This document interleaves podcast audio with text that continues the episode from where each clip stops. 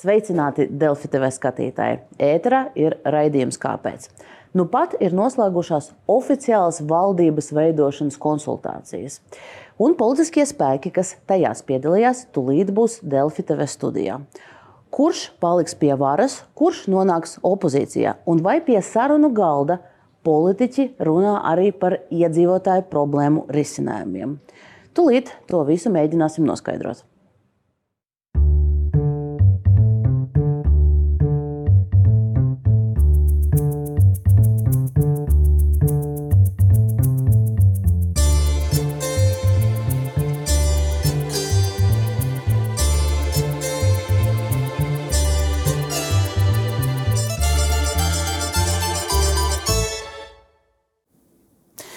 No politisko sarunu galda pie galda Delfi TV studijā klāt ir Edmunds Jurevits, kurš pārstāv jauno vienotību. Tās politiķe Evika Siliņa vakar, oficiāli nominēta kā premjera amata kandidāte, un tad šodien bija nama māte sarunāts. Sveiki! Sveiki. Apvienoto sarakstu pārstāv Igors Rajevs. Labdien! Zaļo un zemnieku savienības vārdā klāt Viktors Valēnis. Labdien! Nacionālo apvienību pārstāv Jānis. Labdien! Un no partijas progresīvie Kaspars Briškins.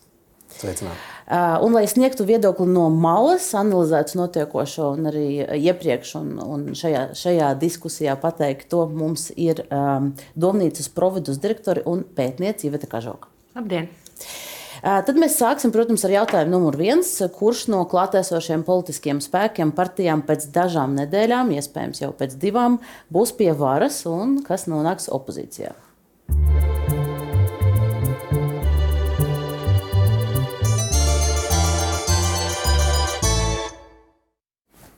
Tad ļoti svaiga ziņa portālā Delfi. Evika Siliņa paziņo, ka piecu politisko spēku koalīcijas nebūs.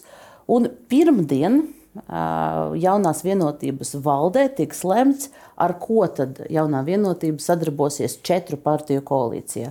Ar progresīviem vai ar Nacionālo apvienību. Un te droši vien ir jautājums, vai tas nozīmē, ka jums priekšā jaunai vienotībai jau ir divi konkrēti scenāriji, kur, kur abos klāt arī ir apvienotais saraksts. Tā var saprast. Jaunās vienotības mērķis no paša sākuma, arī iepriekšējos mēnešus, bija izveidot pēc iespējas plašāku koalīciju. Šobrīd ir skaidrs, arī, ka, kā valsts prezidents publiski teica, ka tādam ir jābūt mērķim, bet šobrīd, kā, kādēļ arī Rīgas Siliņš šo ir paziņojis, tādēļ, ka savā ziņā Nacionāla apvienība sevi no piecu partiju koalīcijas ir izslēgusi, jo pateikusi, ka nav gatava ar progresīviem strādāt. Tā kā mēs gribam savu mērķi turpināt un pēc iespējas nākamo plašāko variantu, tas ir četru partiju koalīcija, tur ir dažādi modeļi. Tāpēc arī mēs šobrīd ar visām partijām tikāmies šiem valstiskajām partijām. Kopumā es varu teikt, ka sarunas bija labas. Jo tajā galvenajā jautājumā, valsts ārējā un iekšējā drošībā, viedokļi bija ļoti līdzīgi, un arī visi saprata, ka tā ir prioritāte. Skaidrs, ka būs šobrīd jāizšķirās, kādā, kā, kāds modelis varētu būt, lai šī par, nākamā valdība varētu būt rīcības spējīga un pēc iespējas kvalitīvāka. Tas ir tuvāko laiku jautājums. Arī, man liekas, tas, kas bija šodien pozitīvi, kur es biju klāts sarunās, Visas šīs četras partijas atzina, ka laiku ļoti mēs nevaram vilkt garumā, jo ir nākamā gada budžets, cits svarīgi apstākļi. Skaidrs, ka būs izšķiršanās arī mums jaunās vienotības iekšēnē, kāds ir labākais modelis, bet mūsuprāt, pats būtiskākais šajā ģeopolitiskajā situācijā, un arī šajā brīdī, kad mēs redzam, ka ir Rosļikova un Šlesē grupējums, mēģināt pēc iespējas plašāk, tā kā vismaz šiem četriem partijām vajadzētu būt. Bet uh, mums ir, ja, ja mēs uh, ņemam visus šos, šos faktus un, un, un mēģinam modelēt, tad mums sanāk divas iespējamas teorētiskas koalīcijas. Mēs uz ekrāna varam parādīt. Tad uh, ir vai nu uh, koalīcija, kur ir šis kodols, jauna, jaunā vienotība, uh, ZZS apvienotais saraksts un Nacionālā apvienība, tad tur sanāks 70 balsis. Uh, šis ir viens variants. Un otrais variants ir šis pats komplekss, bet Nacionālās apvienības vietā ir progresīvie. Tad drusku mazāk, 67 balsis no 100 saima krēsla deputātu. Nu, tad te ir jautājums, iespējams, ka apvienotajam sarakstam jūs piekritāt abiem šiem variantiem un gaidat jaunās vienotības lēmumu, kuru partneri viņi izvēlēsies, vai, vai, vai īsti nē vēl? Nē, jā, mēs atbalstam, jo mēs redzam, ka Evika Siliņa diezgan energiski ķērās pie darba. Mēs redzam pozitīvu virzību, mēs redzam pozitīvas izmaiņas diskusijā un koalīcijas sarunās salīdzinājumā ar to, kas bija iepriekšējā periodā. Tā, tas ir, pozit, ir pozitīva virzība uz priekšu, ko mēs arī attiecīgi tā atzīmējam. Bet nu, mums ir arī neatbildētie jautājumi, uz kuriem mēs gribam dzirdēt skaidru un nepārprotamu atbildi. Kuri? ko mēs darām un kādā veidā mēs darbosimies. Jo Zaļo un Zemnieku savienība ir, um, ir pozitīvais partners. Mēs redzam, ka mēs ar viņiem varētu strādāt, bet ir uh, viens ārkārtīgi svarīgs jautājums, ko mēs darīsim ar Aivaru Lembergu. Kādā veidā mēs viņu norēboš, norē, norobežosim no ietekmes šajā, šajā valdībā. Un te patiesībā tas jautājums ne tik daudz zaļajam ZZS, cik vienotībai. Jo viņa ir tā partija, kura ir uzņēmusies veidot valdību, un viņiem tad arī jāpasaka, uz kādiem noteikumiem šo valdību viņi veidos. Nu, kā jau premjerministrs kandidāts Kundze teikusi, mūsu attieksme pret šo personu nav mainījusies un nemainīsies. Tāda principa, ka nākamajā valdībā, kā premjerministra, ja saimta dos viņai vairākumu strādās, būs tāda paša nemainīga kā esošiem Krišānam Kariņam, ka mēs sadarbosimies un lēmumus pieņems tikai ievēlēts personas, tikai saimnes deputāti vai ar saimnu iecelt ministri. Lēmumi netiks pieņemti ar cilvēkiem, kuriem nav šis sabiedrības vai saimnes mandāts. Numur viens. Numur divi, Evika Siliņa arī skaidri pateikusi, ka koalīcijas līgumā ir nepieciešams un arī šādu uh, redakciju tiks piedāvāts ne tikai par šo personu, bet kopumā, lai valdības darbu iespēju netiktu atstāts neleģitīmas intereses, un tā skaitā arī sankcionēts personas. Tā kā skaidrs, ka mēs šo saprotam. Un arī mēs piedāvāsim skaidru risinājumu, lai šo nodalītu. Un otrs, arī Evika Siliņa publiski arī vakar ir teikusi, ja jebkura ministra rīcībā viņa saskatīs, ka viņš tiek tiek veikta neleģitīmas intereses vai darbojas kādas personas īpaši sankcionētas interesēs, ministre, ministra prezidents ir gatavi izmantot savas likumā garantētās tiesības šo ministru atsaukt. Nu, tad ir jājautā apvienotiem sarakstam, vai šīs skaidrojums uh, jums šķiet pietiekošs, lai, lai šajā koalīcijā iet kopā. Sākums. Mēs gribētu redzēt to uzlikt uz papīra, un mēs gribētu redzēt to apspriežam mūsu savstarpējās sarunās. Bet, bet tie principi jums der, jūs neprasat neko vairāk. Jūs neprasat uh, ne, no ZZS. Uh, mēs gribētu redzēt, kāds tad ir tas, tas, tas um, jaunās. Uh, ja. vienotība, piedodiet, jaunās vienotības viedoklis.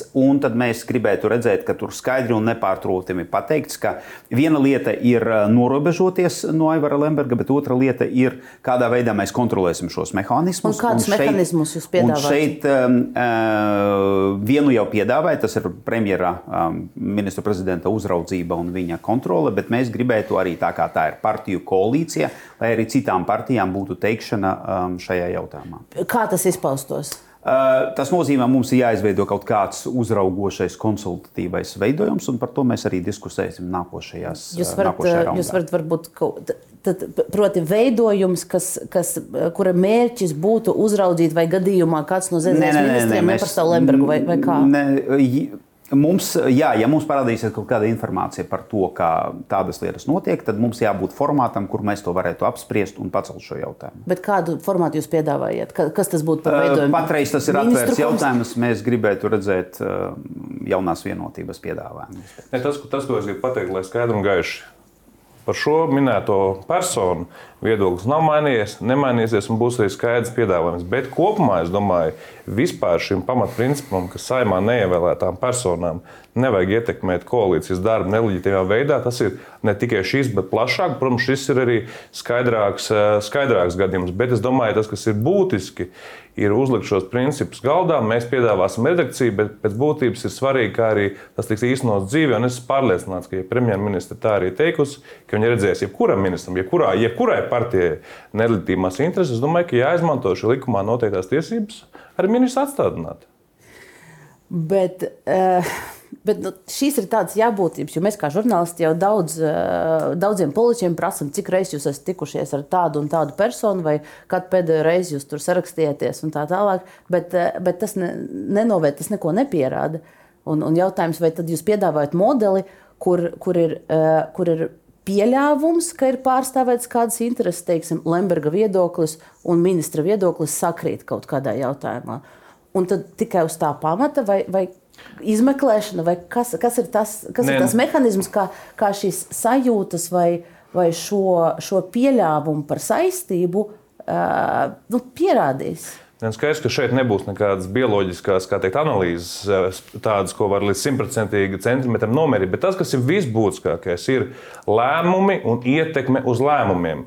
Ja tur būs redza, redzama ietekme, tīpaši tāda, kas ir saistīta ar kaut kādiem pretvalstiskām darbībām, vai vispār runājam par kaut kādām sankcijām vai par ko citu, tas ir acīm redzams skaidri, un tur ministram būs nebūs vairs iespēja strādāt. Es domāju, ka mums šobrīd jārunā par konkrētām lietām. Jā, šī minētā jūsu persona, ko esam mūžā nekad neesmu saticis, neesmu runājis un nerunāšu, publiski izteiksies par to, kā ārā ir labs laiks, un vai kāds cits ministrs to izteiksies. Nu, visticamāk, par šo mēs eh, nevarētu saukt nu, par ietekmi. Okay, es piedāvāšu jums citu variantu. Teiksim, mums ir notikusi ostu, ostu reforma, tur detaļās neiesim, bet nu, šīs, šī ir lieta, kur, kur gan ir uh, publiski piesauktas uh, dažādu pašvaldību, tostarp Ventspils intereses.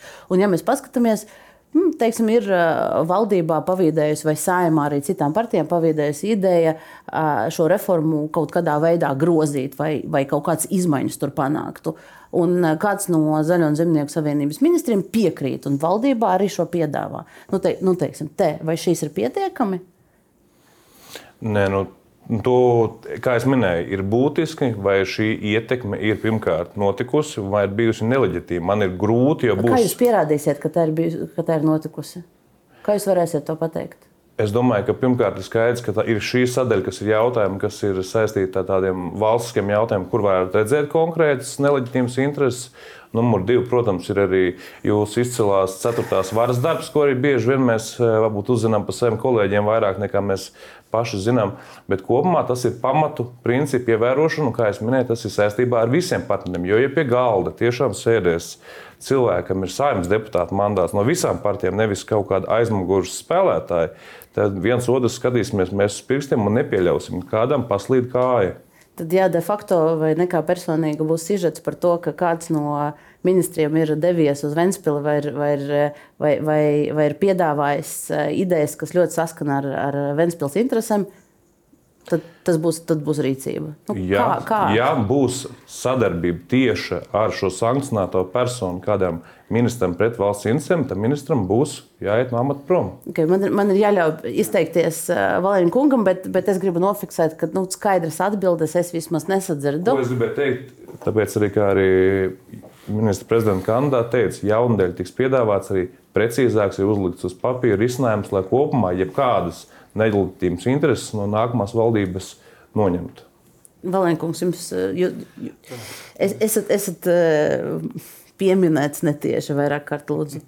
Jā, eh, protams, man prieks, ka tā izpratne arī šeit studijā, ko es dzirdu, viņi veidojās ar vien vairāk par tiem principiem, un mēs pilnībā piekrītam tam, ko teica arī Jurēvits kungs un jaunā vienotība.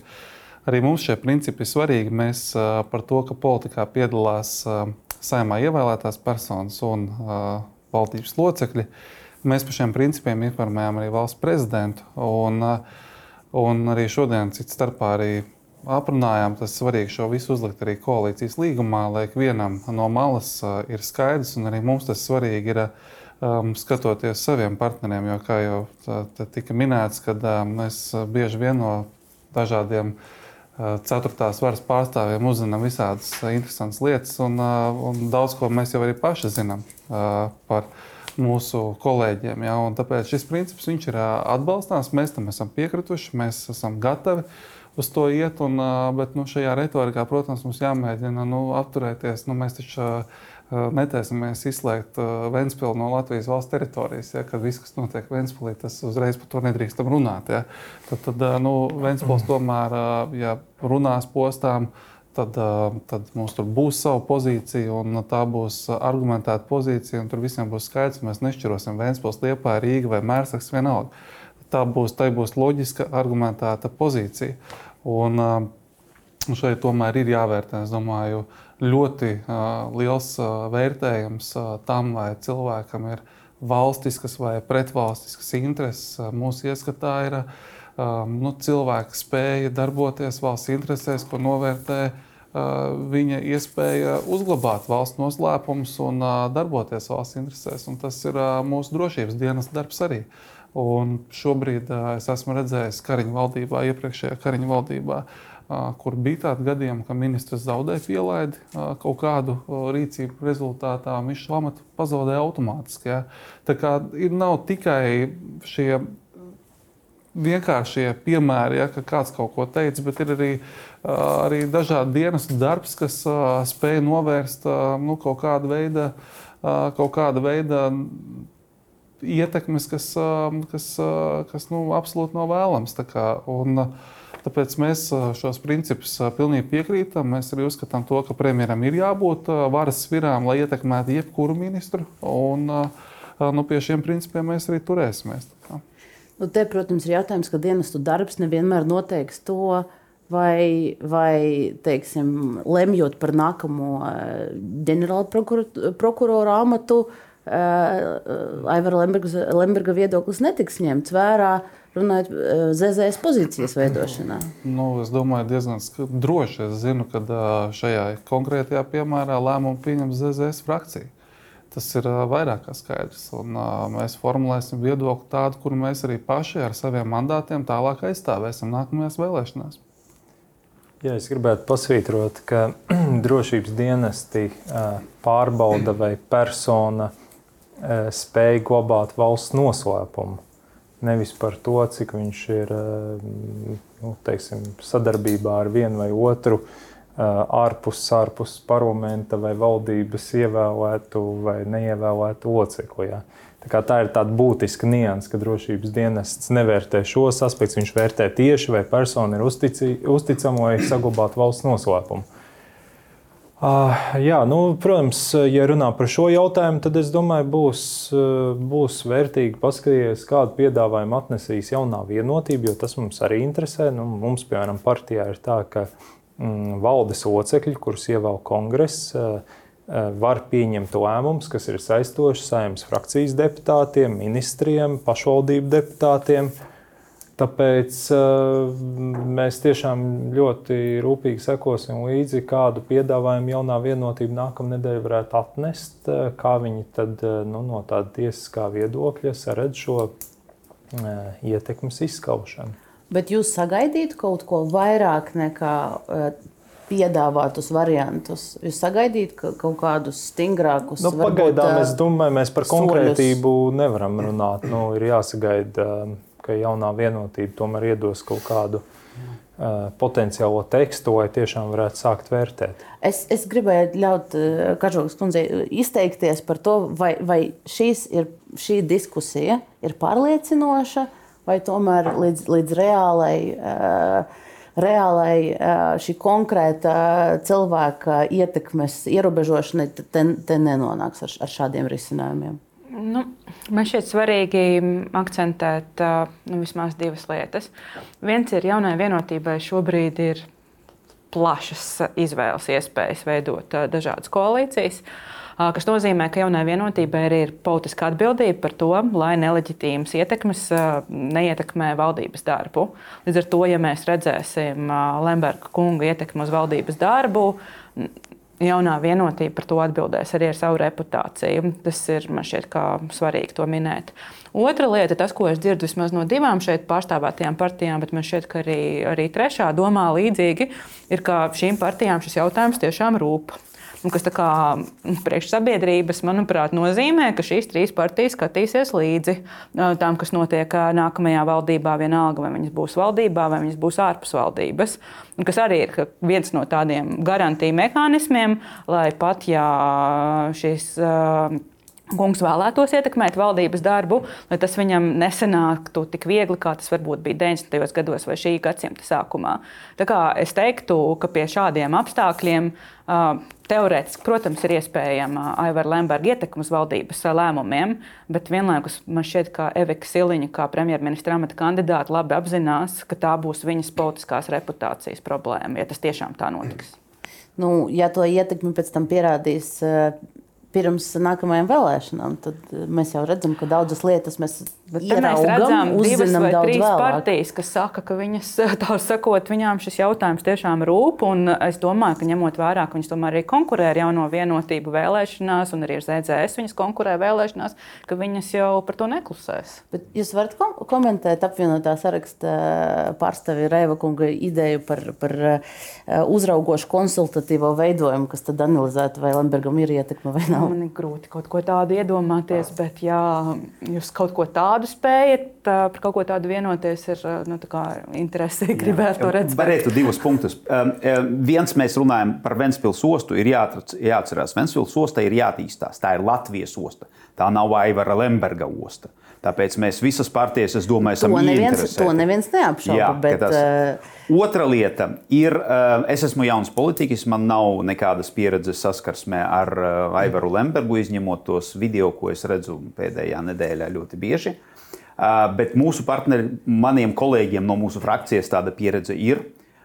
Viņiem ir bažas, un tāpēc es respektēju viņu viedokli un es stāvēšu ar viņiem plecu pie pleca, lai mēs pārliecinātos, ka tādas ietekmes šajā valdībā nebūs.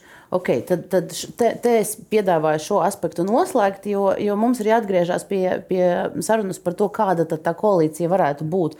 Un te ir jautājums. eh, Pārliecinās jūs eh, šīs jaunās vienotības piedāvājums par eh, Lemberga nošķiršanu no, no lēmuma pieņemšanas vai nē? Jebkurā gadījumā, vai jums eh, der abi varianti sadarbībā? Eh, Vai jūs esat gatavi sadarboties gan ar Nacionālo apvienību, gan ar progresīviem. Jo pašlaik tā izšķiršanās, jebkurā gadījumā, ir tur. Nu, mēs jau vairākas reizes to esam uh, minējuši. Ka jums der abi? Uh, nē, nē, nē, ka mēs, uh, tāpēc jau šī koalīcija, tāpēc jau mēs arī esam šajā koalīcijā, un mums ir ērtāk un uh, pieņemamāk strādāt šajā koalīcijā. Bet mēs gribētu dzirdēt vairāk par uh, progresīvo nostāju nu, vairākos jautājumos. Un, nu, ja viņi mūs spēs pārliecināt par to, ka mēs varam ar viņiem strādāt un mūsu domas sakrīt, tad arī tur mēs varētu runāt. Bet, pajautāt. Lūdzu, te, te, ir, te ir pārstāvis. Jūs varat pajautāt, kas ir tas, kas, kas eh, okay, ar Nacionālo apvienību jums sakrīt pozīcijas, jūs strādājat kopā, viss ir labi.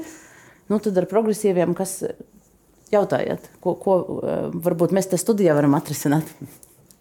nu, es nedomāju, ka mēs šodien studijā varēsim atrisināt šos jautājumus. Bet jo- kādi ir tie jautājumi? Um,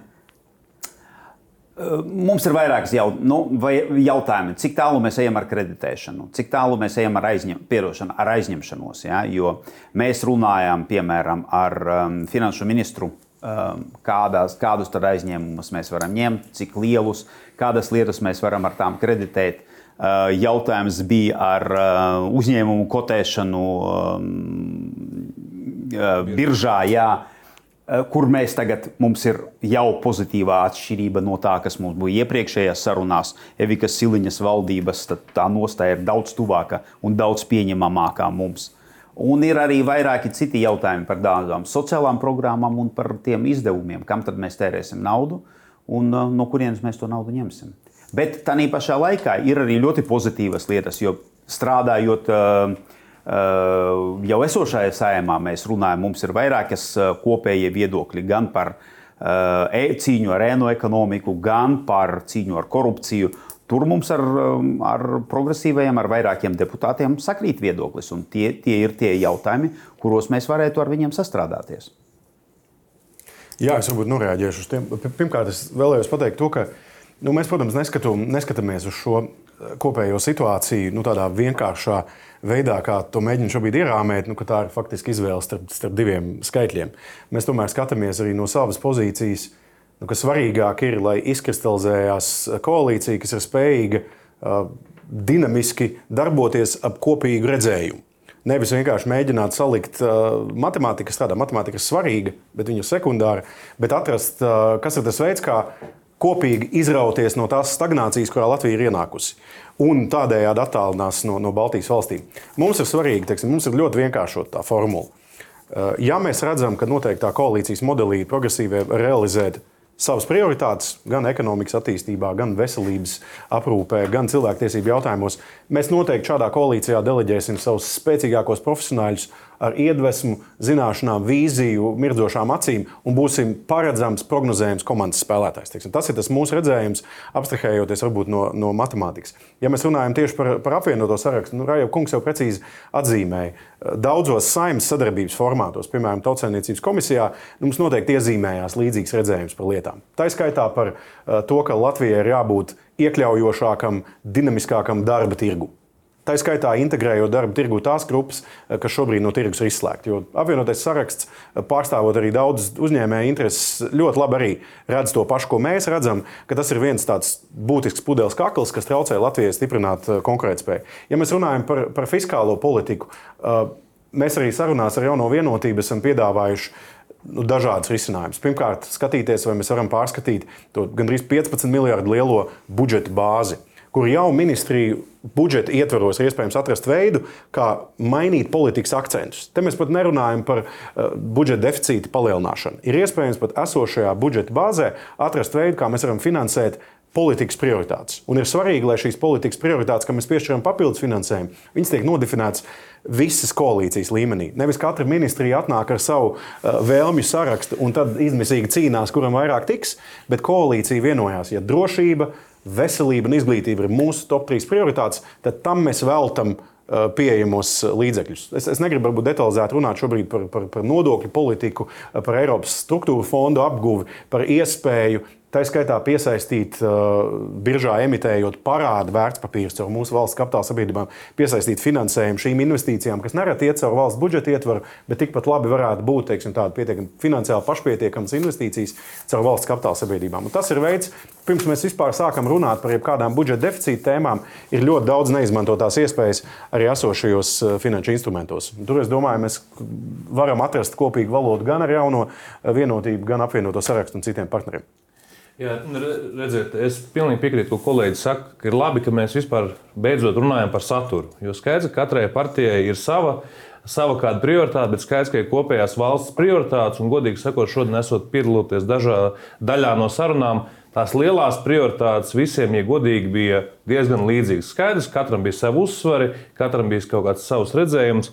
Bet es domāju, tas, kas šobrīd kopumā jaunajai valdībai ir nepieciešams, es domāju, šobrīd ir nepieciešams varbūt tādas. It kā visi saka, vīzijas un vīzijas, tas ir ļoti skaisti un pareizi. Es piekrītu premjeras uzstādījumam, ka nepieciešams ne, nevis 400 uh, milzīgi punkti vai 500 vai milzīgs garš hackathons, nu, bet ir nepieciešams, manuprāt, īss konkrēts, realistisks darba plāns, plus, kas nav varbūt tāds, protams, ir labi uzlikt to lielo ilgtermiņa mērķi, bet nevis tie mērķi ir tādi futūristiski, bet ļoti labi nomērām. Tādēļ man pašam ļoti, liekas ļoti simpātiski Siliņas kundzes plāns, ka tad būtu jādala daļās, kad ir neatliekamās lietas, pieņemsim, pirmajiem sešiem mēnešiem, kur ir tarifu jautājums, kur ir šīs lielveikalu konkurence, kur ir eh, iekšā arī kopējā dzīves dārdzība un tā tālāk, un budžeta pieņemšana, un tad būtu katru pusgadu būtu konkrēti mērķi, kas jāsasniedz.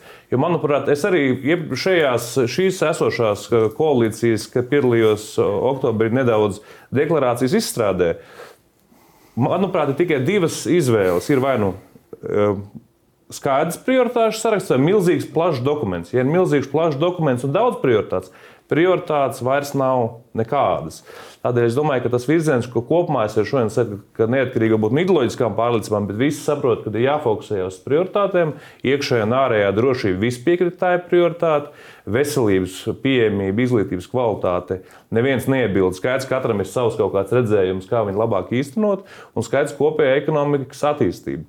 Un eh, es domāju, ka šobrīd tiešām ļoti daudz laika nav mums kavēties. Ir jāpieņem eh, budžets, tojās arī no apkurses sezona, arī citi akūti jautājumi jārisina.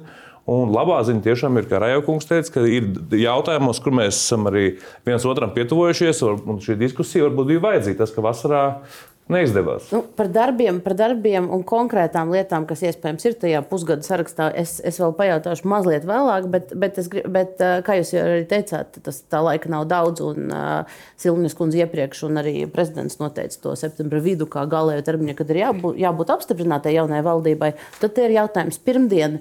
Par, par to grafiku. Ja pirmdien jaunā vienotība pasakā, ok, mēs esam izvēlējušies, mēs iesim valdībā, tad uh, piedāvājam četru partiju koalīciju, un partneris ir pieņemsim progresīvie. Jo nu, mēs būsim realistiski. Mēs jau sen redzam, kopš maija, ka tas ir tas virziens, uz kuru, uz kuru šī politiskā loģika iet. Jautājums tad apvienotajam sarakstam, kad jūs dosiet savu atbildību? Vai jūs piekristu šāda, šādam modelim? Jums ir, jums ir deadline?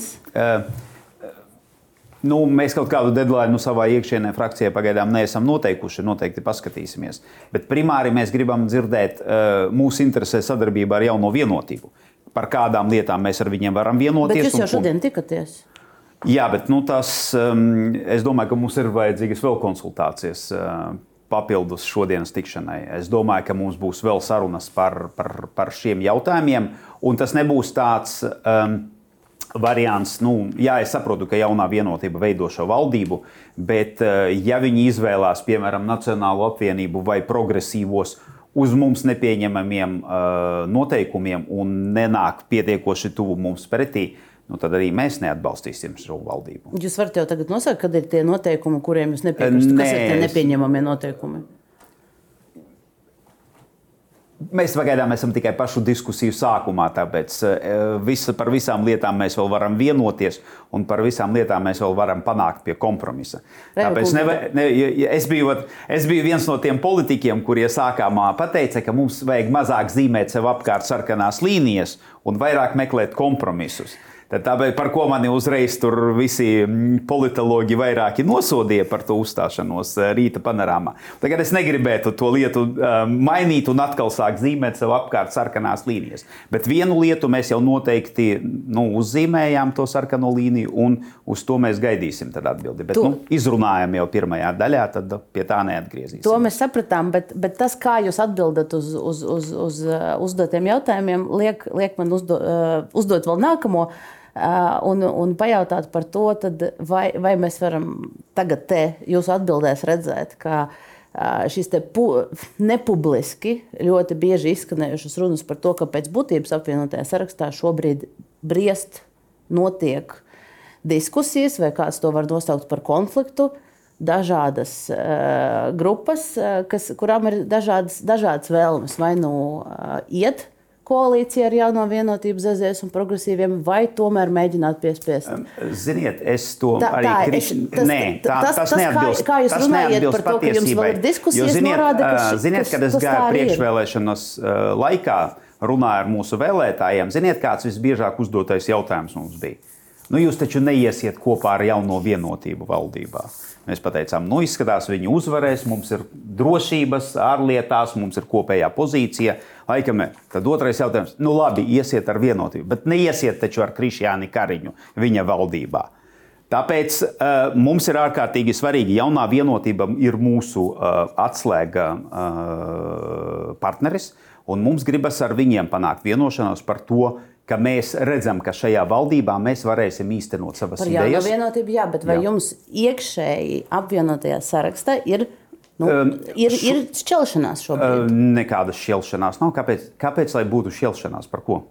Nu, jo jā. regulāri Mē, kad partijas nonāk izveļu priekšā, ir dažādas nometnes. Jā, tas ir mūsu loģiski. uh, uh, preference, protams, ka ir Nacionāla apvienība, un mēs arī turēsimies tie, pie tās lietas. Bet, ja jaunā vienotība, nu, uzliks citu konfigurāciju, nu tad mums būs jāpēta, kādā veidā tas salikums būs un vai tas apmierina tieši apvienoto sarakstu. Un tad mēs arī lemsim. Tā nebūs tā, ka mēs vienkārši akli piekritīsim uh, esošai 52 vasarā izveidotai 52 koalīcijai, kurai tad mums pateiks, vienkārši pievienojieties vai ejiet ratā. Bet kas ir tie kriteriji, pēc kuriem jūs skatīsieties? Izņemot attieksmi un, un to, to, to uh, Lemberga nošķiršanu, jā. kas vēl? Ir arī ir jāsaprot tā, ka mums ir stiprās puses, mums ir arī vājākas puses mūsu partijai. Mēs nevaram simtprocentīgi visas ministrijas un visas komisijas nosekt ar uh, augstas kvalitātes cilvēkiem, kuri ir ievēlēti. Tad nu, tas ir ministrijas. Jūs, jūs skatīsieties, Jā. kuras ministrijas jums piedāvās? Arī kuras jom, par kurām jomām mēs atbildēsim. Protams. Un tad jūsu intereses, kā tas bija, ir, ir iepriekš arī nosaukts, ir uh, aizsardzības ministrija, vidas un reģionālās attīstības ministrija, zemkopības ministrija.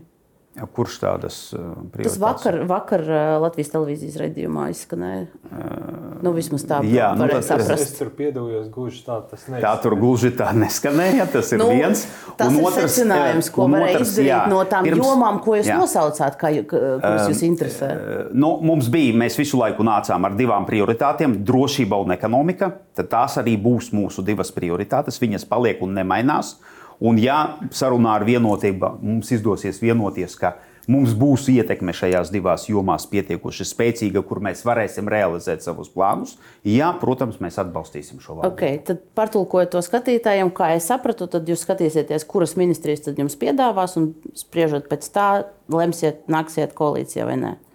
Nu, tā sanāk, vai nē, es pareizi saklausīju. Varbūt eh, Kažokas kundze var, var, var pā, patulkot, pāanalizēt. Nu, Es arī, es arī tā dzirdēju. Nu, No apvienotā saraksta puses tas droši vien arī būtu loģiski, jo tā tomēr bija tā partija, kas uz vēlēšanām nāca ar pārmaiņu un reformu um, lozungiem, un uh, pēc tam pati sevi iespieda koalīcijā, kur nu, tās reformas gāja ļoti sarežģīti. Nu, šī ir iespēja ar, arī ar, ar kā premjera maiņu, protams, arī šai partijai sākt kaut kā iet prom no lejupslīdošajiem reitingiem uz kaut ko citu, vai tas izdosies. Ne man spriest, bet loģika tur ir. Nu, tad mums ir jāiet uh, uz, uz priekšu un tiešām sarunā par ministrijām. Jo vakar, uh, šo, uh, tas šodien, ne vakar, vakar, piedošana, vakar Silnis Kungs teica, ka šodien uh, viņi ir lūgusi partijas nākt ar, uh, un es citēšu, trīs saviem svarīgākajiem nozaru jautājumiem, kur viņi jūt, ka būtu potenciālie cilvēki, kas varētu sevi piepildīt. Nu, tad ar, ar, ar, ar, ar, ar savām vēlmēm. Kuras, par kurām ministriem tad politiskie spēki gribētu atbildēt. Un te ir jautājums, vai, ko, ko jūs šodien jaunai vienotībai likāt uz galda? Ok, mēs uh, vēlamies atbildēt par šādām jomām. Varbūt tad var sākt kāds, kas mazāk runājas. Lūdzu. Es pirmkārt nosaukšu tos trīs mūsu galvenās saturiskās prioritātes, kas ne obligāti pārnesās uz mūsu preferencēm attiecībā uz ministriju izvēli. Progresīviem ir nozares, nozares, jums prasīja nozares, par kurām nozarēm jūs gribat Nu, atbildēt? mēs to stāstu, tomēr stāstām caur mūsu galveno saturisko prioritāšu dimensiju. Jo mums pirmkārt ir svarīgi saprast, kas būs tie galvenie akcenti šajā, šajā koalīcijā. Amati ir sekundāri. Tāpēc arī mēs vasarā sarunās 13. formātā par amatiem nerunājām, jo bija svarīgi vienoties par izdarāmajiem darbiem. Mūsuprāt, kritiska prioritāte, ja mēs abstrahējamies no drošības, jo drošība ir visam lietu sargs, nu. viss ir jāskata drošības kontekstā. Es domāju, te viss ir viensprāts. Uh, mūsu pirmā prioritāte ir veselības aprūpe, gan jēgpilnas izmērāmas investīcijas. Un, ja tas ir investīcija palielinājums, tad, protams, ar dziļu izpratni par to, kā sistēmā palielināt efektivitāti, lai mēs zinām, cik kurš katrs izmeklējums maksā un kur aiziet tās investīcijas, ko mēs virzam veselības nozarē, lai tiktu stiprināta gan kvalitāte, gan pieejamība, gan tieši tā nozares caurspīdīgums. Mūsu otrais lielais pīlārs ir cilvēktiesības. To mēs skatām plašākā kontekstā, gan kā cīņu pret vardarbību, eh, cīņu par ģimeņu vienlīdzību, cīņu par dzīves autonomiju cilvēkiem ar īpašām vajadzībām un tā tālāk. Un trešais lielais pīlārs ir ekonomikas attīstība, ilgspēja, konkurētspēja. Šeit atkal ar maniem kolēģiem Tautsēmniecības komisijā no apvienotā saraksta mēs daudzos jautājumos esam absolūti uz vienas lapas. Gan attiecībā uz uh, mūsu eksportētāju stiprināšanu, uz birokrātijas mazināšanu maziem vidējiem uzņēmumiem, uz darba spēku pieejamību, uz inovāciju politiku. Un šie ir tie jautājumi, ko mēs aiznesām arī Evikai Siliņai, kā mūsu saturiskos uzstādījumus. Mēs uh, šobrīd negribam runāt par kaut kādām konkrētām ministriju izvēlēm, jo tas nav, uh, tas nav tam ne, nebūtu jānotiek tā, ka katra ministrija vienkārši atnes savu sarakstu un tad cīnās, pie kura krēsla tikt. Tā ir tieši tā politika, no, mēs, no kuras mēs gribam aiziet. Drīzāk mums vajag kaut kādu kopīgu prioritāšu sarakstu un tad jau skatīties, kurai partijai konkrētajā jomā ir visspēcīgākie profesionāļi. Nu, es uzskatu, ka normāls līdzsvars ir uh, piemēram četru partiju koalīcijā, kad katrai no koalīciju veidojošām partijām ir pārstāvniecība nu, tā, ārējā un drošības dimensijā, pārstāvniecība sociālo un cilvēku attīstības jautājumu blokā un pārstāvniecība saimnieciskajos jautājumos. Nu, tā, tādā kontekstā katra no partijām, katrā no šīm trīs lielajām dimensijām virza un uzņemās atbildību par, par konkrētu jo, jomu, bet kopumā visa koalīcija, visu ministru komanda uh, uzņemās kopīgu līdzatbildību par tiem lielajiem uzstādījumiem. Es, es, jā, Dombrovs kungs tiešām arī maz ir runājis. Es gribu dot iespēju uh, izteikties. Uh, jūs nācāt ar konkrētu piedāvājumu? Um, mums arī bija, arī bija saturiskās prioritātes, ar kurām mēs arī iepazīstinājām valsts prezidentu. Tur mums bija ļoti laba un uh, detalizēta saruna. Tātad šīs saturiskās prioritātes ir uh, drošības joma, uh, stiprināt tālāk valsts aizsardzību, iekšējo drošību, uh, Tāpat austrumu robežas izbūves pabeigšana, otrā lielā prioritāte - ekonomiskā attīstība, paredzot ievies šo transformācijas plānu, izveidojot nodokļu politiku, kas ir atbalstoša mūsu iedzīvotājiem, lai viņiem tiktu veicināta labklājība caur nodokļu politiku. Trešā lielā saturiskā prioritāte - saukt par Krievijas ietekmes mazināšanu Latvijā, padomju okupācijas seku izskaušanu, latviešu valodas nostiprināšanu publiskajā telpā, darba tirgu. Eh, ceturtā lielā prioritāte - tautas attaudzes nodrošināšana, eh, ko mēs uzskatām par ļoti būtisku situācijā, ka mēs redzam, ka mūsu demografiskā situācija ir tāda, kāda tā ir šobrīd, un kur ir nepieciešama papildus risinājuma. Piektais - ceļu un, un sabiedriskā transporta pilnveide. Jo faktiski mēs jebkurās diskusijās par veselības aprūpas sistēmu, par izglītību nevaram attiekt no šī jautājuma. Un, savukārt, sestā lielā prioritāte ir kvalitatīva izglītība bērniem neatkarīgi no dzīvesvietas un arī, un arī um, mūsu identitātes nostiprināšana, latviskās identitātes nostiprināšana, paredzot atgriezt Latvijas vēstures priekšmetu skolās, uh, paredzot um, stiprināt eh, latviešu kultūru, eh, saglabāt dziesmu svētku tradīciju, kur ir arī ļoti būtiski no budžeta konteksta viedokļa, lai tas kaut kur nepazūd. Un eh, šīs ir tās prioritātes, ar kurām mēs iepazīstinājām arī jauno vienotību, ka tās ir tās, par kurām mēs vēlamies runāt, diskutēt. Vairākās, protams, bija uzreiz nu, kopīga valoda atrodama, bija jautājumi, kuriem es pieļauju, ka tās diskusijas būs vēl pietiekami aktīvas un eh, nepieciešamas, bet es domāju, ka tur nav nepārvaramas eh, lietas. Ja mēs runājam par partneriem, tad mēs jau kopš šīs saimnes sākuma esam teikuši, ka mēs redzam, ka nu, faktiski vienīgā šī objektīvā sastrādāšanās ir iespējama koalīcijā, kur ir gan jaunā vienotība, gan apvienotais saraksts. Protams, var diskutēt par dažne, dažādiem paplašinājumiem. Nu, Pirmdien tad jums būs tā atbilde. Jā, protams, politikā nu, mēs, mēs, es atgādināšu, ka pēc prezidenta vēlēšanām mēs arī jau to brīdi teicām, ja ir, protams, kaut kāda alternatīva koalīcijas modeļa izstrādāta kur ir tātad Zaļo zemnieku savienība, progresīvie un jaunā vienotība kā kodols. Lai tā būtu. Bet nu, tad ejam pietiekami strauji uz priekšu ar vienu vai otru risinājumu.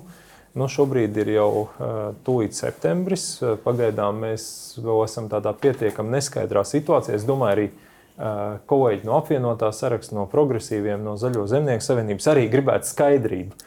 Citādi, citādi mēs esam tādā pietiekami ilgā valstiskā ziņā neziņas periodā, kas gan kavē jebkuras pārmaiņas, reformas un, un dažādu lietu sakārtošanu. Vēlēnkungs, jūs, jūs tās prioritātes, te neviens izņemot Revakungu, tā, tā nebija gatavs runāt par ministrijām vai resoriem, bet uh, varbūt jūs būsiet tas otrs cilvēks, kas pateiks, kas, kuras, kuras ir tās ZZS vēlmes. Pēc, pēc atbildības. Nevar jūs iepriecināt. Nevarat. bet, ne, nu, bet, bet labs mēģinājums. Bet tomēr, bet tomēr, jo mēs arī līdzīgi kā citi kolēģi, arī šodien mēs iepazīstinājām ar deviņiem, ar veseliem deviņiem prioritāriem virzieniem. Vēlreiz izgājām viņam cauri, plus vēl trīs papildu virzieniem, kas ir šodien aktuāli virzieni, kurus arī mēs pārunājām, kas būtu tās pirmās nepieciešamās darbības. Protams, es domāju, ka ZZS ir partija, kurai es domāju, ikvienam, kas ir politikā, ir diezgan skaidrs, kuras ir mūsu stiprās puses, kuras nav gluži mūsu stiprās puses. Mums tas nav nemaz jāsaka nevienam. Tas tāpat, es domāju, visiem ir skaidrs šajā politiskajā procesā.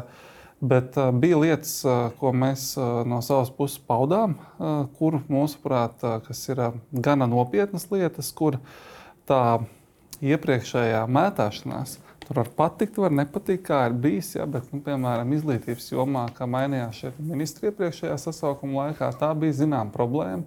Arī šobrīd uh, ministra strādā jau gan ilgu laiku. Ir uzsākusi ļoti nopietnas reformas, veikusi nopietnu darbu, uh, tā teikt, priekšdarbu. Uh, nu, var piekrist, var nepiekrist mums visiem. Ja mēs sāksim runāt par izglītību, būs viedoklis, kas nu ir jādara, ja, tur, lai uzlabotu to situāciju. Bet uh, nonākt situācijā, ka ministrs sāk no jauna iepazīties ar to sistēmu, mūsuprāt, uh, nebūtu īsti pareizi. Tāpēc atsevišķi ministri no šīs valdības bija tādi, kurus mēs nosaucām, kuriem būtu jāturpina uh, darbs. Uh, nu, tas bija tāds, uh, ja pamatiem, ja, tad tieši runājot par konkrētām jomām. Mums bija, piemēram, izglītības jomā, mēs minējām to, ka konkrētajai ministrei būtu jāturpina darbs, mēs varētu nākt viņai palīgā, palīdzēt, un, un arī devām savu redzējumu, kā mēs to varētu darīt visefektīvāk. Tāpat veselības jomā Un tur ir vēl specifiskāk, bet nu, tur varbūt jā. Tur, tur, tur mums ir daudz plašāks redzējums, jā, bet ne jau tas, ka tā ir mūsu prioritāte. Mēs vienkārši devām savu redzējumu, kādā veidā uh, kas būtu politiski jādara, lai šo jomu mēs pa visiem kopā, nevis tā kā kāds individuāli, bet pa visiem kopā varētu sakārtot. Okay, paldies! Es diezgan plaši ļāvu izpausties tādās ģenerālās līnijās, bet, bet es, un, un man ir vēl parunāt vēl par konkrētām lietām, par kurām. Vai nu? Nevienotība. Pajautāšu, pajautāšu. Viss kārtībā, ja tā rūpējaties par viņiem. Jo, jo tā lieta, Jūs jau ka mēs šodien. Nē, mēs runājam šodien, kādas, kuras sarunas, es nezinu, kā citām partijām, mums nebija nekādas sarunas par ministru portfeļiem, nebija sadaļas par, par kaut kādām sarunas par šīm lietām. Jā, mēs jūs, runājam jūs, par mūsu prioritātēm. Jūs mūsu... paskaidrojat, kā, kādas ir, jo jā, tas sakotnējs jautājums bija par, par interesi jā, par portfeļiem, uz kuriem jūs atbildējat. Trešā prioritāte, kur obligāti ir jā. jautājums, varbūt jau nav vienotība, varbūt jā. arī jūs vēlaties. Jā, jā, noteikti. Un tad trešā prioritāte, par kuru mēs runājam, ir reģionu attīstība, tā skaitā pierobežu zonas attīstība. Tas mums ārkārtīgi ir svarīgi, jo mēs redzam, ka nu, situācija reģionos ir jāuzlabo un pie tā ir jāstrādā. Es, es vienkārši gribēju, lai mums paliek mazliet laika parunāt par konkrētām lietām. Tāpēc jaunai vienotībai ir jautājums, jūs redzējat to visu, to visu lauku tagad. Un, un uh, es gribētu varbūt mazliet nofokusēt, jo mēs redzējām pie iepriekšējās valdības, vēl, vēl strādājošas, demisionējušas valdības veidošanas, bija diezgan skaidra tā stratēģija, kur jaunā vienotība. Par ministriem neatbildēs. Nu, mums tā visiem tika pajautāts. Bet, tas, tas, bet šis jau vairāk kārt. Cits starpā vienīgā partija pieteicās premjeru no visām saimnes partijām. Silņas kundze jau šajā, Silņas kundze jau šajā, Silņas kundze jau šajā studijā ir, ir diezgan skaidri izstāstījusi, bet ja mainījusies tā atbilde, jā, ārpus finanšu ministrijas, premjera krēsla, ārlietu ministrijas. Tad viņa pauda šajā studijā, ka ir vēl atvērts jautājums arī izglītības un zinātnes ministrijai. Ja tur ir vēl kaut kas mainījies, tad. Nē, paldies Dombrovs kungam par rūpēm par, par maniem, dot vārdu. Tā kā sirsnīgs paldies. Bet es domāju, tas, kas ir būtiskākais, mēs te aizgājām jau tādos amatos un ķebiļu dalīšanā, kas man liekas nav līdz galam labi. Tas, kas ir jau saruna, bija nedaudz savādāk. Tiešām mēs uzsvērām tās jomas, kas katram liekas būtiskāk, kurā jūt kaut kādu savu kompetenci un turpināt darbus. Tas ir numur viens. Numur divi, mēs līdz šim esam gājuši secīgi. Ir uh, nominēta, nosakām, izvirzīta no mūsu puses premjerministra amata kandidāta, līdz saņemt nomināciju. Mums šobrīd jātiek galā ar viņu koalīcijas modeli, un tad varam iet tālāk priekš. Tā šobrīd nu, dzīve šajā nebūtu labi, bet tas, kas man patīk, ka mēs jau daļēji gan jau sākam šeit diskutēt tādā rīcības plāna, rīcības plāna detalizācijas līmenī. Žēl, ka mēs to nevarēsim darīt piecu partiju ko, teiksim, komplektā, bet nu, es ceru, ka vismaz četru partiju komplektā. Bet tas, kas ir tiešām tālāk secīgi. Secīgi jāsaprot, ir tas, ka Rajaukungs pareizi teica, ka jebkurai koalīcijas frakcijai, partijai, kas būs valdībā, ir jājūtās labi, bet arī mūsu jaunās vienotības interesēs ir, ka mēs strādājam kā vienota komanda. Jo skaidrs, ja valdība nestrādās kā vienota komanda, visvairāk cietīs premjeras partija. Tādā ziņā arī Evika Siliņa skaidri paudusi, ka viņa jebkuru partneri, kas būs nākamajā koalīcijā, uztvers līdzvērtīgi, bet tajā pašā laikā arī prasīs gan no savas partijas ministriem, gan no citas partijas ministriem atbildību un skaidru rezultātu. Bet to jautājumu, ko es nepabeidzu uzdot, es gribēju Jā. uh, uzzināt atbildi, jo uh, mēs redzējām pie iepriekšējās valdības veidošanas. Uh, jaunā vienotība piedāvāja partneriem, ok, šīs ir uh, ministru kabineta uh, šīs sadalījums. Jums būs šāda ministrija, jums būs šāda, šādas ministrijas, un mēs ņemsim šādas. Ņemiet, or leave it, kā angliski saka. Vai, vai šoreiz būs līdzīga pieeja? Jūs, jums būs piedāvājums, un tad vai arī nē? Skaidrs, ka ministra prezidenta kandidāte nominētā dos savu piedāvājumu, bet mēs ņemsim vērā tā skaitā arī partneru stiprās puses, partneru redzējumu. No jūsu puses šis. Nē, tā skaitā būs premjeras, tad... premjeras redzējums, uzklausot, tā skaitā arī partnerus. Okay, nu tad redzēsim, kā, kā tas izvērtīsies. Šajā brīdī man jāatvadās no RTV skatītājiem. Tur mūsu ēteris jau, jau, jau pirms minūtes ir beidzies. Paldies, RTV. Un, ja gribat skatītāji turpināt šo diskusiju, vērot, tad lūdzu, Delfi TV arhīvs ir pieejams un tur viss vis, vis arī ir apskatāms. Un tad mēģināsim mazliet īsi par darbiem vēl.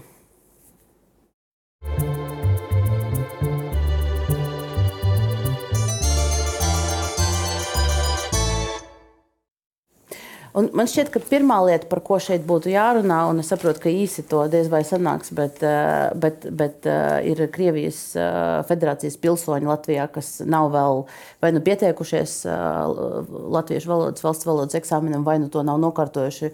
Un ir noteikta grupa, noteikti skaits cilvēku, kuriem tad 1. septembrī ir pazudījis personas kods un beigsies, beigsies viņa jebkādas tiesības te eksistēt.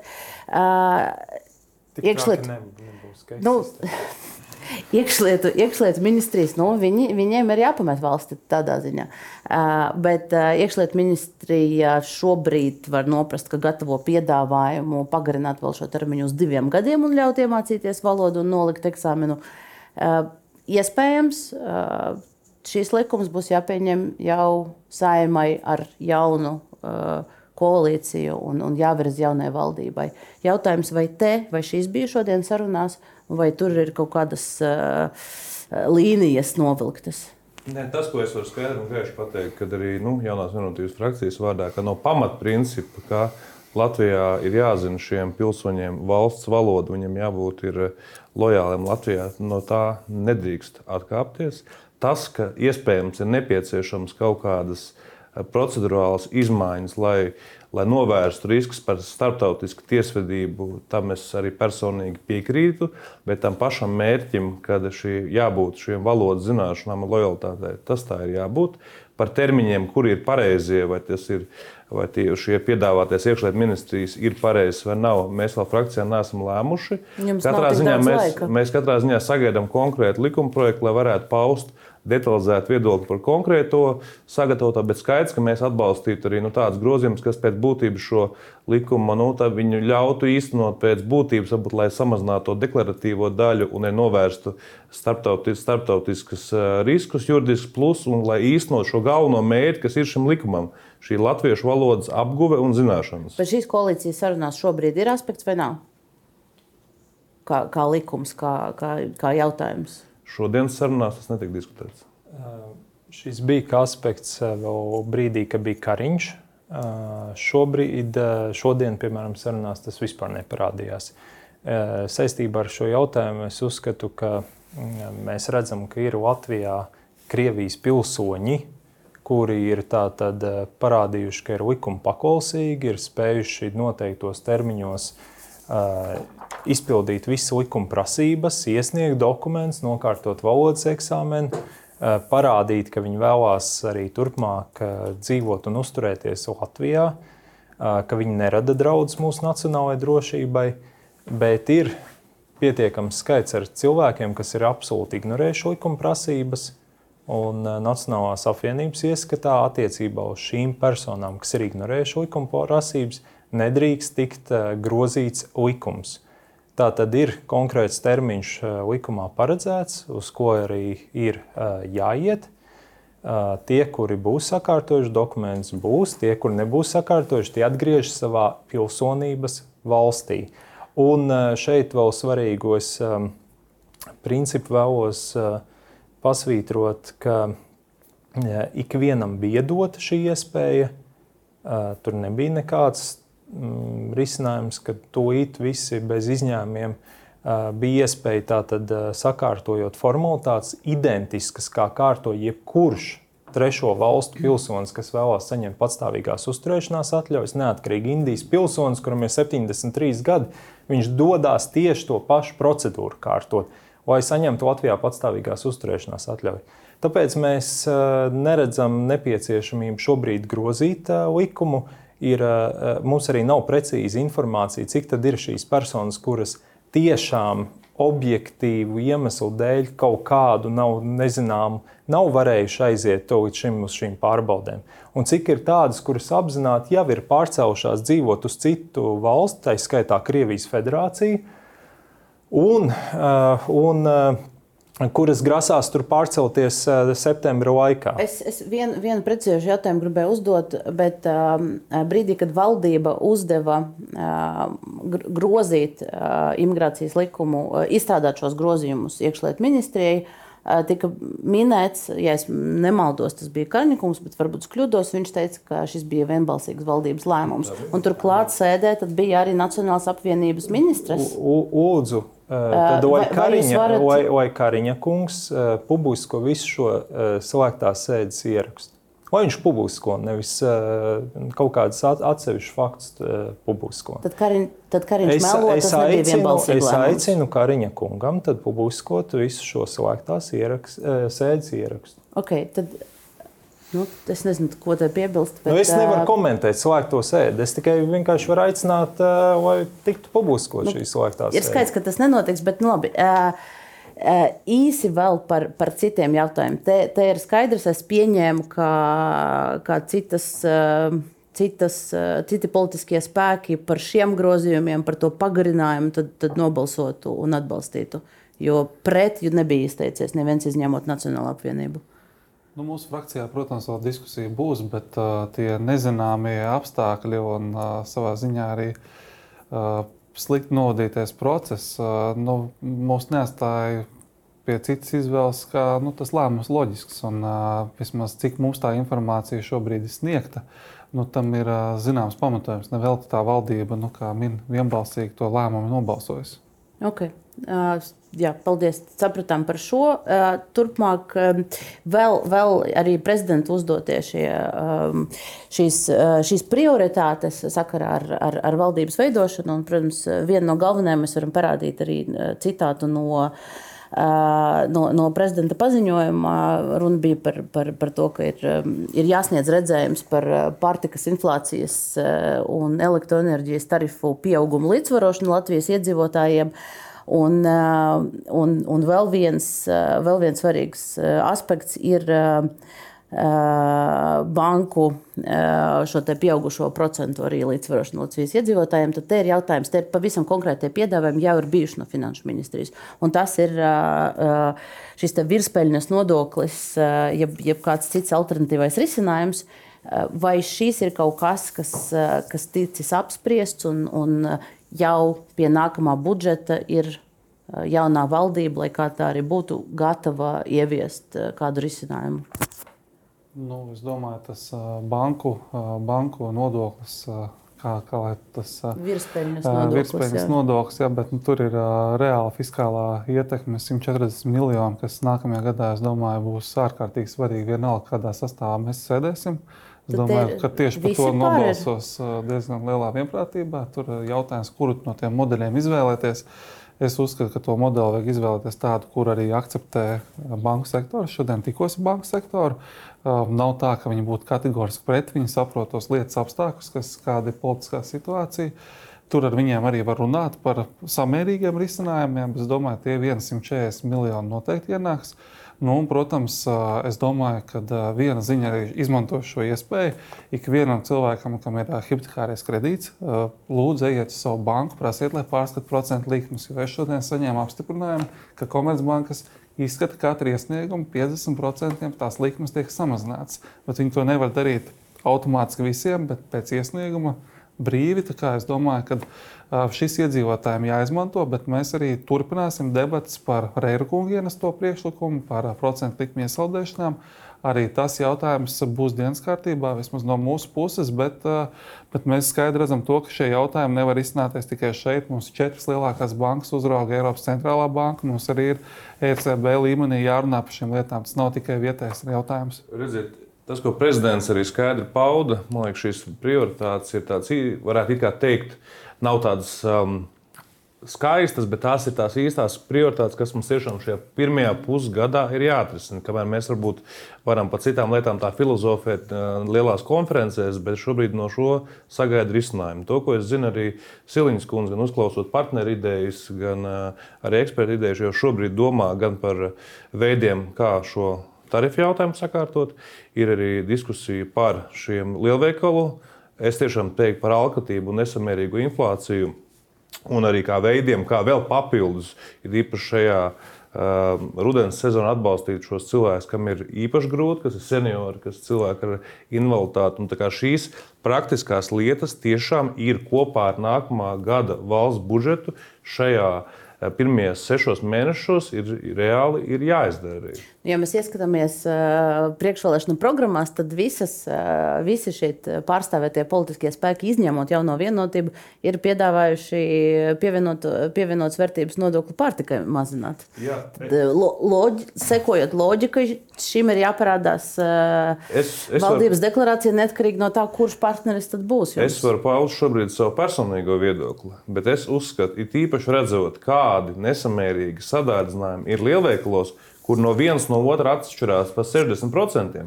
Mans personīgais viedoklis, ka mēs samazinātu šobrīd PVN pārtikai, pārtikai tas nozīmē, ka lielveikaliem vienkārši gūtu papildus peļņu. Diemžēl tā cena nemazinātos, tas ir mans personīgs viedoklis. Tā kā es domāju, daudz kas mums šobrīd ir jādara.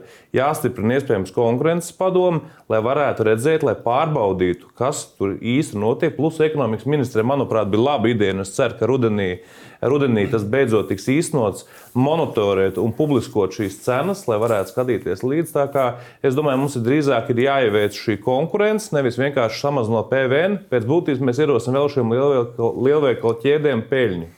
Tad nebūs deklarācija šīs punkts. Okay? Es paudu savu personīgo viedokli. Labi, ļoti, eh, kungi, ļoti īsi, un tad es gribētu noslēdzošo vārdu Kažokas kundzei dot, lai, lai, lai analītiskus secinājumus no, no šīs sarunas uh, piedāvātu. Lūdzu. Eh, atbalstam reālu nodokli bankām, šo virspeļņas nodokli, bet realistisku, nevis tādu fiktīvu. Kas ir realistisks? Nu, tur, tur ir neiešu teikt, šobrīd niansēs. Es domāju, ka kolēģi saprot, par ko ir runa. Nākamā lieta par šo PVN pārtikai. Skaidrs, ka ir jāmeklē risinājums attiecībā uz šo lielveikalu ķēdēm, kā ierobežot viņu šo šīs augsts pēc peļņas, līdzīgi kā šīs bankas, kas pieder starptautiskām korporācijām. Uh, Bet PVN samazinājums pārtikai dod visciešāko atspaidu mūsu vietējiem ražotājiem, tiem, kas tirgo savu produkciju dažādos mazajos veikalos. Nav tā, ka viss notiek tikai šajās lielveikalu ķēdēs, un tur tas iespējas var būt ļoti būtisks tieši uz ražošanas attīstību, uz vietējo produktu klātesamību tirgu, un to parādīja arī uh, šīs iepriekšējās samazinātās PVN likmes pārtikai, kur tas deva reālu rezultātu. Uz tā skaitā ēna ekonomikas apkarošanu, ko, kas, es domāju, mums visiem, neatkarīgi vai mēs esam pozīcijā vai opozīcijā, ir būtisks. Ja vēl piebildes, bet ļoti īsas, un tad, tad mēs. Es teikšu par banku kreditēšanu, jo tas bija jautājums, ko mēs arī pārunājām pie, pie valsts prezidenta. Skaidrs, ka šāda veida soda sankcijas tam nevajadzētu būt pirmajai politiskajai izvēlei. Tā, tā tas arī nav bijis. Bankām, protams, tika dota iespēja pārskatīt savas kreditēšanas politikas eh, nosacījumus. Tagad, diemžēl, mēs esam nonākuši pie situācijas, kur, protams, tas, kas bankām ir saģenerējies, pagājušā un šī gada laikā, tā ir virspēļņa. Droši vien nodoklis ir vienīgais veids, kā to risināt. Bet svarīgi arī pareizi izprast banku lomu eh, Latvijas naudas apritē. Ja, ja bankas nauda ekonomikā radās lielākoties bankām, aizdodot kredītus, jo tādējādi radās depozīts pretējā bilances pusē. Faktiski notiek ar klaviatūrā uzspiežot enter. Bankām ir fundamentāla atbildība, lai nodrošinātu naudu, jeb likviditāti Latvijas sabiedrībā, gan atbalstot mūsu uzņēmējus, nevis pēc iespējas mazāk risku uzņemoties, bet Tas kopā ar uzņēmumiem arī eksportējot. Mēs, mēs, mēs vairāk par Es valdības vienkārši mēģinu paskaidrot, kāpēc teiksim, ir, ir morāls uh, pamatojums tam, ka šobrīd to virspēļņu, ja bankas pilnvērtīgi nepilda savu funkciju, uzņemties risku un palīdzēt mums attīstīt mūsu tautsēmniecību, gan izdodot kredītus mūsu Priekš, uzņēmumiem, man- man- man gan jūs- hipotekāros kredītus, tad, diemžēl, tas instruments, ar ko rīkoties politiķi, ir šāds virspēļņas nodoklis. Jo Ok. Citi motivācijas instrumenti, acīm redzot, nestrādā. Nofiksējam ideju, un tad tiešām mums jāpaļaujas 30 sekundes. 30 ok, sarunājām. Kreditēšana arī ir ārkārtīgi svarīga. Mēs te runājam par individuāliem kredītiem. Mēs aizmirstam visu laiku, kredītu pieejamība uzņēmumiem, it īpaši jauniem un maziem uzņēmumiem, ir jāpanāk, ka bankas nevis bremzē šo kredītu iesniegšanu, bet gluži otrādi ļauj, un, lai tā nauda būtu pieejama, pieejama visiem uzņēmumiem. Jo nebūs biznesa, nestrādās uzņēmumi, nekas valstī nenotiks. To Ļoti- visu, jā, to visu ir jāattīsta, un tam visam ir jāvada, Precīzi. jāveido labvēlīga augsne. Precīzi 30 sekundes. Jā, tad gaidīsim, gaidīsim šo visu valdības deklarāciju kaut kādā konkrētajā formā. Un īs, īs, īs, ne, ne, ne, ne 300 lapās, ne 300 punktos, bet, bet daudz, daudz īsāk. Kažokas kundze, jums noslēdzošais tāds secinājums no šīs sarunas. Um, kad mēs sagaidīsim valdību spriežot pēc, pēc uh, attiecībām te šajā studijā? Nu, ja Un- spriestu tikai pēc šīs studijas, tad izskatās, ka diezgan drīz. Izskatās pēc četru partiju koalīcijas. Ā, Man nedaudz pārsteidz tie piesauktie interešu bloki, jo viņi bija tādi ļoti saskanīgi. Nav tā, ka kāds ļoti pretendē uz citām tēmām. Nu, varbūt starp ZZS un apvienoto sarakstu varētu būt ā, konkurence par dažām ministrijām. Uh, bet ir ārkārtīgi svarīgi tomēr saprast, ka jauna valdība ir arī jauna iespēja. un Šobrīd Latvijas sabiedrībai ir ļoti vajadzīga jauna iespēja attiecībā uz valdību, jo vecā valdība bija nepopulāra un viņai nu, bija arī negatīva tendence. Līdz ar to cilvēkiem ir jāsajūt, ka ne tikai nomainās sejas vai partijas, bet ka parādās gan cits temps, gan arī saprotamāki lēmumi, labāk izskaidroti lēmumi un ātrāk pieņemti lēmumi. Un, ja šobrīd tā valdības veidošana tomēr ievilksies uz nezināmu laiku, man šķiet, ka šī jaunā iespēja var tikt izniekota. Bet nu, pēc tā, ko es redzu šajā studijā, man izskatās, ka ar valdību. Valdība drīz apstiprinās, ka tiešām septembra vidus nav nereāls datums. Nu, tad gaidām septembra vidu un noteikti mēģināsim pēc iespējas runāt arī par plašāk par, par darbiem, par to, kas tiks ierast, ierakstīts valdības deklarācijā, un, un, un sekosim arī darbu izpildē. Paldies visiem klātesošiem, paldies skatītājiem un tiekamies pēc nedēļas.